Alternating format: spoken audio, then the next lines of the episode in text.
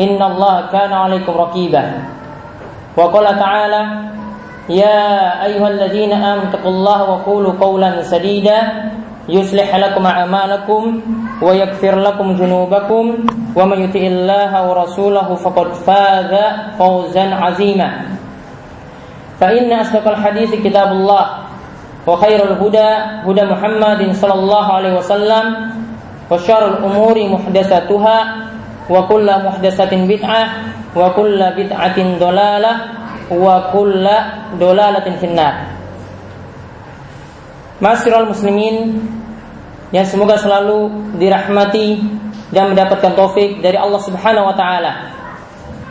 Kita bersyukur kehadiran Allah Subhanahu wa taala atas sebagai macam nikmat yang Allah Subhanahu wa taala telah anugerahkan kepada kita sekalian di antara nikmat yang ada, nikmat besar yang Allah Subhanahu wa taala itu berikan kepada kita, yaitu kita masih diberikan rasa aman. Kita juga masih diberikan kesehatan dan juga masih diberikan makan di rumah kita. Nabi SAW itu pernah bersabda dalam hadis diriwayatkan oleh Imam Tirmizi dan hadis ini adalah hadis yang dihukumi hasan oleh para ulama yaitu beliau sallallahu alaihi wasallam bersabda man asbaha minkum aminan fi sirbihi mu'afan fi jasadihi indahu qutu yaumihi ka'annama jizat lahu dunya yaitu Nabi SAW itu bersabda barang siapa yang di pagi harinya dia telah mendapatkan rasa aman di rumahnya. Itu yang pertama. Kemudian dia telah diberikan kesehatan pada badannya. Itu yang kedua. Dan yang ketiga, dia di rumahnya masih memiliki makanan, maka kata Nabi SAW, maka seolah-olah orang seperti ini yang mendapatkan tiga nikmat tadi, dia mengumpulkan nikmat dunia seluruhnya. Dia mendapatkan dunia seluruhnya, yaitu seisinya. Dia telah mengumpulkan dunia itu seisinya.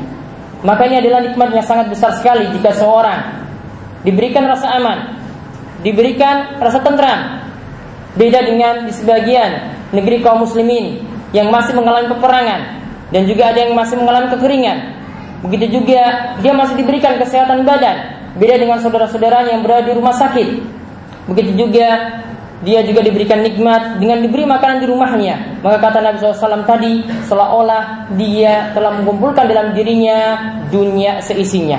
Karena nikmat-nikmat tadi yang membuat kita bisa beribadah kepada Allah Subhanahu wa taala sehingga dengan nikmat-nikmat tersebut seharusnya kalau kita mendapatkannya, kita punya tugas untuk mensyukurinya dengan melakukan ketaatan kepada Allah Subhanahu wa taala. Masyiral muslimin rahimani wa rahimakumullah dalam sebuah hadis dari Abu Hurairah ini mana di sini oleh Imam Muslim dan juga disebutkan juga oleh Imam Bukhari dalam kitab sahihnya yaitu hadis yang menjelaskan tentang masalah iman yaitu dalam hadis tersebut disebutkan tentang cabang-cabang iman yaitu dari Abu Hurairah Nabi SAW itu bersabda al imanu bid'un wa sab'una atau bid'un wa sittuna syu'batan. Fa afdaluha qawlu la ilaha illallah wa adnaha imatatul adha anit tariq wal haya'u syu'batu minal iman Nabi SAW itu bersabda Iman itu ada 60 atau 70 sekian cabang. Iman itu ada 60 atau 70 sekian cabang. Yang paling tinggi itu adalah ucapan kalimat La ilaha illallah. Tiada sembahan yang berhak disembah selain Allah subhanahu wa ta'ala. Kemudian yang paling rendah dari cabang iman tadi itu adalah imatatul adha anitariq yaitu menyingkirkan duri dari jalanan Wal haya'u dan sifat malu itu adalah bagian dari iman. Dari hadis yang mulia ini kita bisa mengambil beberapa perjalanan penting, beberapa pelajaran penting tentang masalah iman. Yang pertama, iman itu bercabang-cabang. Iman itu bercabang-cabang. Jadi di antara cabang-cabang iman itu ada yang hukumnya wajib dan di antara cabang-cabang iman ada yang hukumnya sunnah. Kemudian di samping itu para ulama juga mengenalkan istilah rukun. Sebagaimana disebutkan dalam hadis Jibril bahwasanya iman itu adalah antuk minabillahi wa malaikatihi wa kutubihi wa rusulihi wal yaumil akhir wa tu'mina bil qadari khairi wa syarri. Yaitu namanya iman adalah engkau beriman kepada Allah, kemudian engkau beriman kepada malaikatnya, engkau beriman kepada kitabnya, engkau beriman kepada para rasulnya dan engkau beriman kepada hari kiamat dan engkau beriman kepada takdir yang baik maupun yang buruk. Itu semua dari Allah Subhanahu wa taala. Ini yang dikenal dengan rukun iman. Kalau rukun iman ini tidak ada, yaitu seorang tidak beriman kepada Allah, seorang juga tidak meyakini adanya malaikat, atau dia mengatakan bahwasanya malaikat itu cuma sifatnya maknawi saja, atau dia meyakini bahwasanya ya kitab itu tidak ada yang Allah Subhanahu wa taala turunkan. Kemudian begitu juga dia mengingkari rasul, satu rasul saja atau dia mengingkari tentang hari akhir yaitu kejadian-kejadian mulai dari kematian sampai seorang itu masuk surga dan masuk neraka. Kemudian dia mengingkari takdir yaitu dalam takdir itu seorang harus mengetahui bahwasanya bahwasanya Allah itu mengetahui segala sesuatu yang dahulu dan akan datang. Allah juga telah mencatatnya. Kemudian Allah juga berkehendak jika Allah kehendaki maka itu akan terjadi. Jika Allah tidak kehendaki maka itu tidak akan terjadi. Dan Allah Subhanahu wa taala itu menciptakan setiap perbuatan hamba itu diciptakan oleh Allah Subhanahu wa taala. Ini yang dalam keimanan keimanan dalam takdir Allah Subhanahu wa taala. Jika seorang tidak mengimani hal ini, maka imannya itu tidak ada. Namun dalam masalah cabang iman yang tadi kita bahas dalam hadis Abu Hurairah tadi, jika cabang ini tidak ada, maka tidak membuat seseorang Islamnya itu jadi batal. Karena para ulama katakan bahwasanya cabang-cabang iman ini yang disebut dengan mukamilatil iman, yaitu penyempurna iman. Dan di penyempurna iman di sini ada yang wajib dan ada hukumnya sunnah. Dan di sini di antaranya tadi disebutkan yang paling tinggi adalah ucapan kalimat La ilaha illallah yaitu kita meyakini bahwasanya tiada sembahan yang berhak disembah selain Allah Subhanahu wa taala. Konsekuensinya seseorang harus mentauhidkan Allah Subhanahu wa taala dan menjauhi kesyirikan. Jadi tidak cukup dengan ucapan di lisan saja. Tidak cukup ucapan di lisan saja. Karena kalau ucapan di lisan orang munafik sekalipun itu bisa mengucapkan seperti ini. Orang munafik sekalipun bisa mengucapkan seperti itu, namun dia mengingkari, mengingkarinya dalam hati. Maka di sini ya namanya ucapan la ilaha illallah ini juga ditambah sebagaimana disebutkan juga dalam hadis dan ayat-ayat yang lainnya ditambah juga dengan keyakinan dalam hati. Kemudian ditambah lagi bahwasanya seorang uh, juga harus menjalankan konsekuensi dari kalimat la ilaha illallah dengan dia meninggalkan berbagai macam kesyirikan. Dia harus meninggalkan berbagai macam bentuk tumbal kepada selain Allah Subhanahu wa taala. Dia harus meninggalkan juga berbagai macam bentuk sedekah, baik itu sedekah kepada makhluk gaib atau bersedekah kepada penguasa laut ataupun dalam bentuk-bentuk yang lainnya, kepada pohon besar, kepada kayu besar dan seterusnya, kepada batu besar dan seterusnya. Ini jadi tradisi-tradisi di masa silam dan ini juga masih terus lestari sampai saat ini karena dianggap sebagai tradisi budaya. Namun ini adalah tradisi budaya, ya tradisi orang-orang musyrik. Walaupun dalam KTP-nya mengaku muslim. Kemudian konsekuensi yang lainnya lagi, ya, dia juga harus meninggalkan pelaku kesyirikan dan juga tidak turut serta menolong dalam ritual-ritual mereka. Ini adalah konsekuensi dari seorang itu meyakini kalimat la ilaha illallah jadi tidak cukup diucapan di lisan saja, namun juga seorang harus menjalankan konsekuensinya dengan dia mentauhidkan Allah Subhanahu wa taala dan meninggalkan berbagai macam kesyirikan walaupun itu adalah budaya. Karena seseorang kalau sudah meyakini bahwasanya dia itu beragama Islam, berarti dia harus meyakini kalimat la ilaha illallah dengan benar. Konsekuensinya dia harus masuk ke dalam Islam secara kafah, tidak separuh-separuh.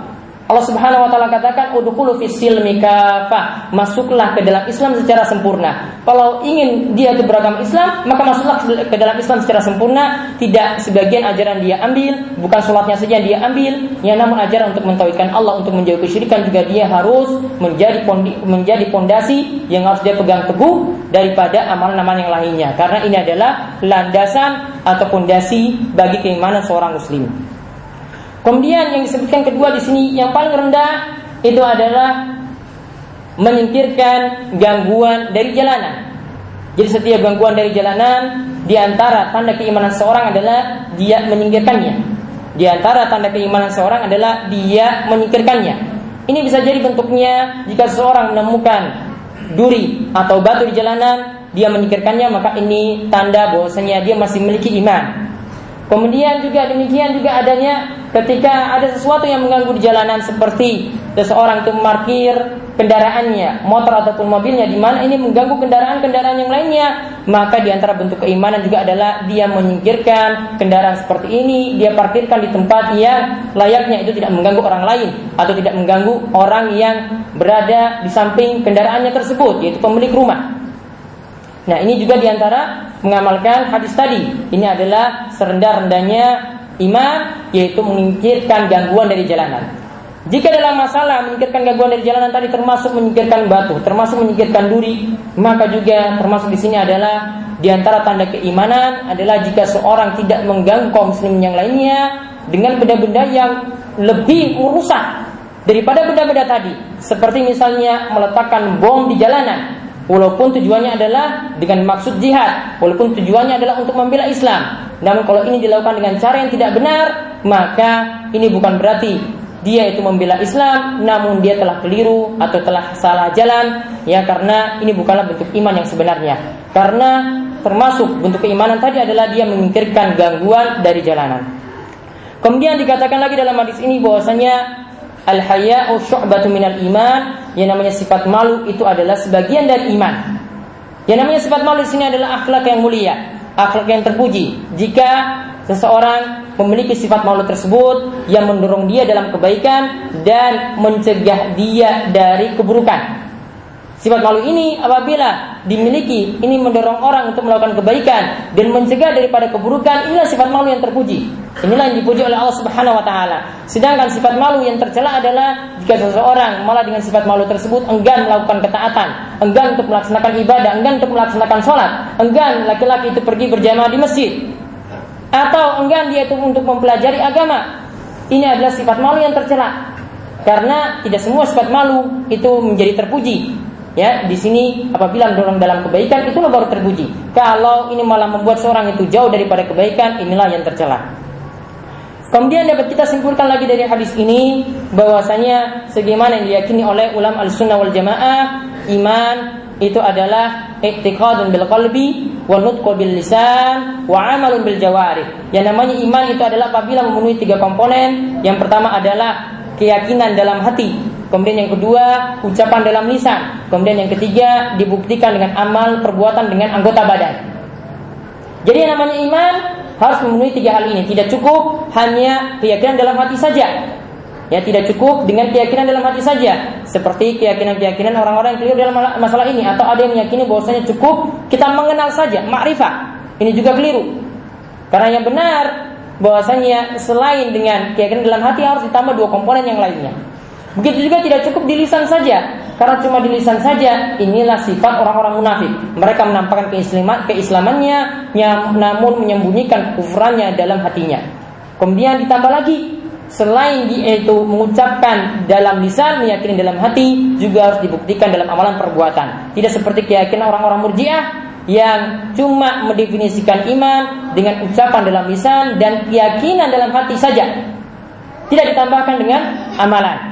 Ini juga adalah keyakinan yang keliru yang benar sebagaimana diyakini oleh Ahlussunnah wal Jamaah yang namanya iman itu apabila memenuhi tiga komponen tadi yaitu ucapan dalam lisan, kemudian keyakinan dalam hati, kemudian dibuktikan dengan amalan dengan anggota badan. Dalilnya adalah dalil hadis yang telah disebutkan tadi karena dalam hadis disebutkan uh, bentuk iman yang paling tinggi adalah ucapan kalimat la ilaha illallah berarti iman itu harus dengan ucapan. Kemudian yang paling rendah adalah imatatul ada anitorik yaitu menyingkirkan duri dari jalanan. Ini menunjukkan bahwasanya iman itu harus dengan amalan.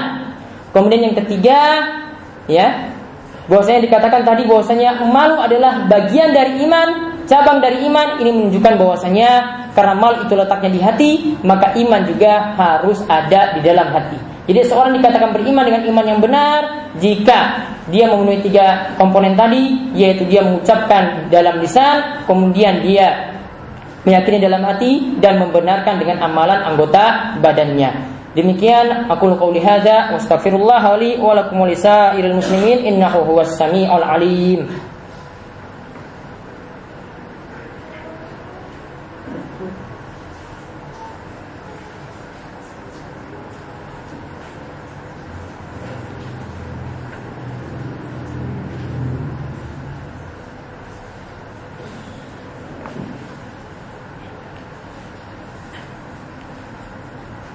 Alhamdulillahirabbil alamin hamdan katsiran tayyiban mubarakan fi kama yuhibbu rabbuna wa yarda.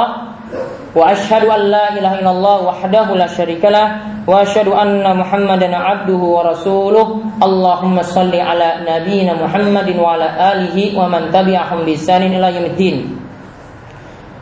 Jamaah salat Jumat yang semoga selalu mendapatkan taufik dan hidayah dari Allah Subhanahu wa taala Tadi telah kita menjelaskan tentang tiga komponen yang harus dalam, ada dalam iman, yaitu yang namanya iman. Itu harus ada dalam hati, keyakinan dalam hati, kemudian diucapkan dalam lisan dan dibuktikan dalam amalan perbuatan. Kemudian para ulama ahli sunnah wal jamaah juga menyebutkan bahwasanya iman juga harus diyakini bahwasanya yang namanya iman itu bisa bertambah yazidu bit ta'ah wa yanqusu bil ma'siyah. Iman itu bisa bertambah dengan melakukan ketaatan, kemudian iman itu bisa berkurang karena melakukan maksiat. Iman itu bisa bertambah karena melakukan ketaatan pada Allah Subhanahu wa taala dan iman itu bisa berkurang ya karena melakukan maksiat. Dalil bahwasanya iman itu bisa bertambah dan bisa berkurang itu disebutkan dalam satu ayat sekaligus yaitu dalam surat Fatir Allah Subhanahu wa taala berfirman tentang tiga golongan manusia. Allah Subhanahu wa taala katakan summa awrasnal kitaba Kemudian Allah Subhanahu wa taala sebutkan dalam surat Fatir tersebut, kami selalu sebutkan pembagian golongannya. Faminhum zalimu li nafsi wa minhum muqtasid wa minhum sabiqum bil khairati bi iznillah. Allah Subhanahu wa taala itu membagi manusia itu menjadi tiga golongan sekaligus. Yaitu yang pertama adalah zalimu nafsi, yaitu orang yang zalim. Kemudian yang kedua adalah muhtasid, golongan yang pertengahan. Kemudian yang ketiga adalah sabiqum bil khairat, yang terdepan dalam melakukan kebaikan. Para ulama itu jelaskan tiga golongan ini yang pertama adalah golongan sabiqum bil khairat, yaitu orang yang dia semangat, ya dia terdepan dalam kebaikan. Yaitu dia selain melakukan amalan-amalan yang wajib dan meninggalkan keharaman, juga dia melakukan amalan sunnah dan dia meninggalkan yang makruh. Jadi dia melakukan yang wajib, meninggalkan yang haram, melakukan amalan yang sunnah, kemudian dia meninggalkan yang makruh. Ini namanya orang yang disebut sabiqum bil khairat, dia terdepan dalam kebaikan. Kemudian yang kedua, yang disebutkan dalam ayat ini adalah muktasib, yaitu golongan pertengahan. Yaitu dia cuma mencukupkan dalam hal melakukan yang wajib-wajib saja dan meninggalkan yang haram. Yang perkara sunnah dia tinggalkan, kemudian yang perkara makruh masih dia lakukan. Ini namanya golongan pertengahan. Kemudian yang ketiga disebutkan zalimul nafsi yaitu orang yang menzolimi dirinya sendiri. Yaitu yang dimaksudkan di sini adalah dia masih terjerumus dalam maksiat, dia melakukan keharaman, meninggalkan yang wajib dan namun dia masih dalam daerah iman, artinya dia masih disebut mukmin tapi berkurang imannya. Maka dalam ayat ini para ulama itu simpulkan sekaligus dalam ayat ini disebutkan bahwasanya ya iman itu bisa bertambah dan bisa berkurang. Karena di sini dikatakan ada yang tingkatannya paling tinggi, yang terdepan dalam melakukan kebaikan. Ini menunjukkan bahwasanya iman seorang itu ada yang bertambah sampai derajat tersebut. Kemudian dikatakan ada yang derajatnya di bawahnya yaitu golongan yang pertengahan muktasid, yaitu yang mencukupkan dalam perkara yang wajib-wajib saja dan meninggalkan keharaman. Ini menunjukkan bahwasanya iman itu ada yang lebih rendah daripada itu. Kemudian ada lagi yang lebih rendah lagi, dia masih disebut muslim, tapi dia itu ahli maksiat karena melakukan keharaman dan meninggalkan yang wajib. Ya, ini juga menunjukkan bahwasanya iman itu bisa berkurang. Jadi dalam ayat ini sekaligus ya ini menunjukkan bahwasanya iman itu bertambah karena melakukan ketaatan, melakukan kewajiban dan melakukan perkara yang sunnah dan ini juga menunjukkan bahwasanya iman itu berkurang karena melakukan maksiat. Maka semoga Allah Subhanahu wa taala memberikan kita selalu keimanan yang benar. Mudah-mudahan kita bisa meyakini apa yang diyakini dengan benar oleh para ulama di sini yaitu yang namanya iman apabila terkumpul lima perkara sekaligus yaitu iman itu adalah keyakinan dalam hati yang pertama kemudian ucapan dalam lisan kemudian dibuktikan dalam amalan perbuatan kemudian iman itu bisa bertambah ya dengan melakukan ketaatan kepada Allah Subhanahu wa taala dan iman pun bisa berkurang karena melakukan maksiat yaitu ketika seorang terjerumus dalam dosa. Masyarakat muslimin rahimani wa rahimakumullah di hari Jumat yang penuh barakah ini Allah Subhanahu wa taala dan nabinya itu menganjurkan kepada kita untuk banyak bersalawat kepada nabinya sallallahu alaihi wasallam. Dan barang siapa yang bersalawat kepada Nabi SAW itu sekali maka Allah Subhanahu wa taala itu akan membalas salawatnya sebanyak 10 kali. Innallaha malaikatahu shalluna 'alan nabi ya ayyuhalladzina amanu sallu alaihi wa sallimu taslima. Allahumma salli ala Muhammad wa ala ali Muhammad kama sallaita ala Ibrahim Ibrahim innaka Hamidun Majid. Allahumma barik ala Muhammad wa ala ali Muhammad kama barakta ala Ibrahim wa ala ali Ibrahim innaka Hamidun Majid.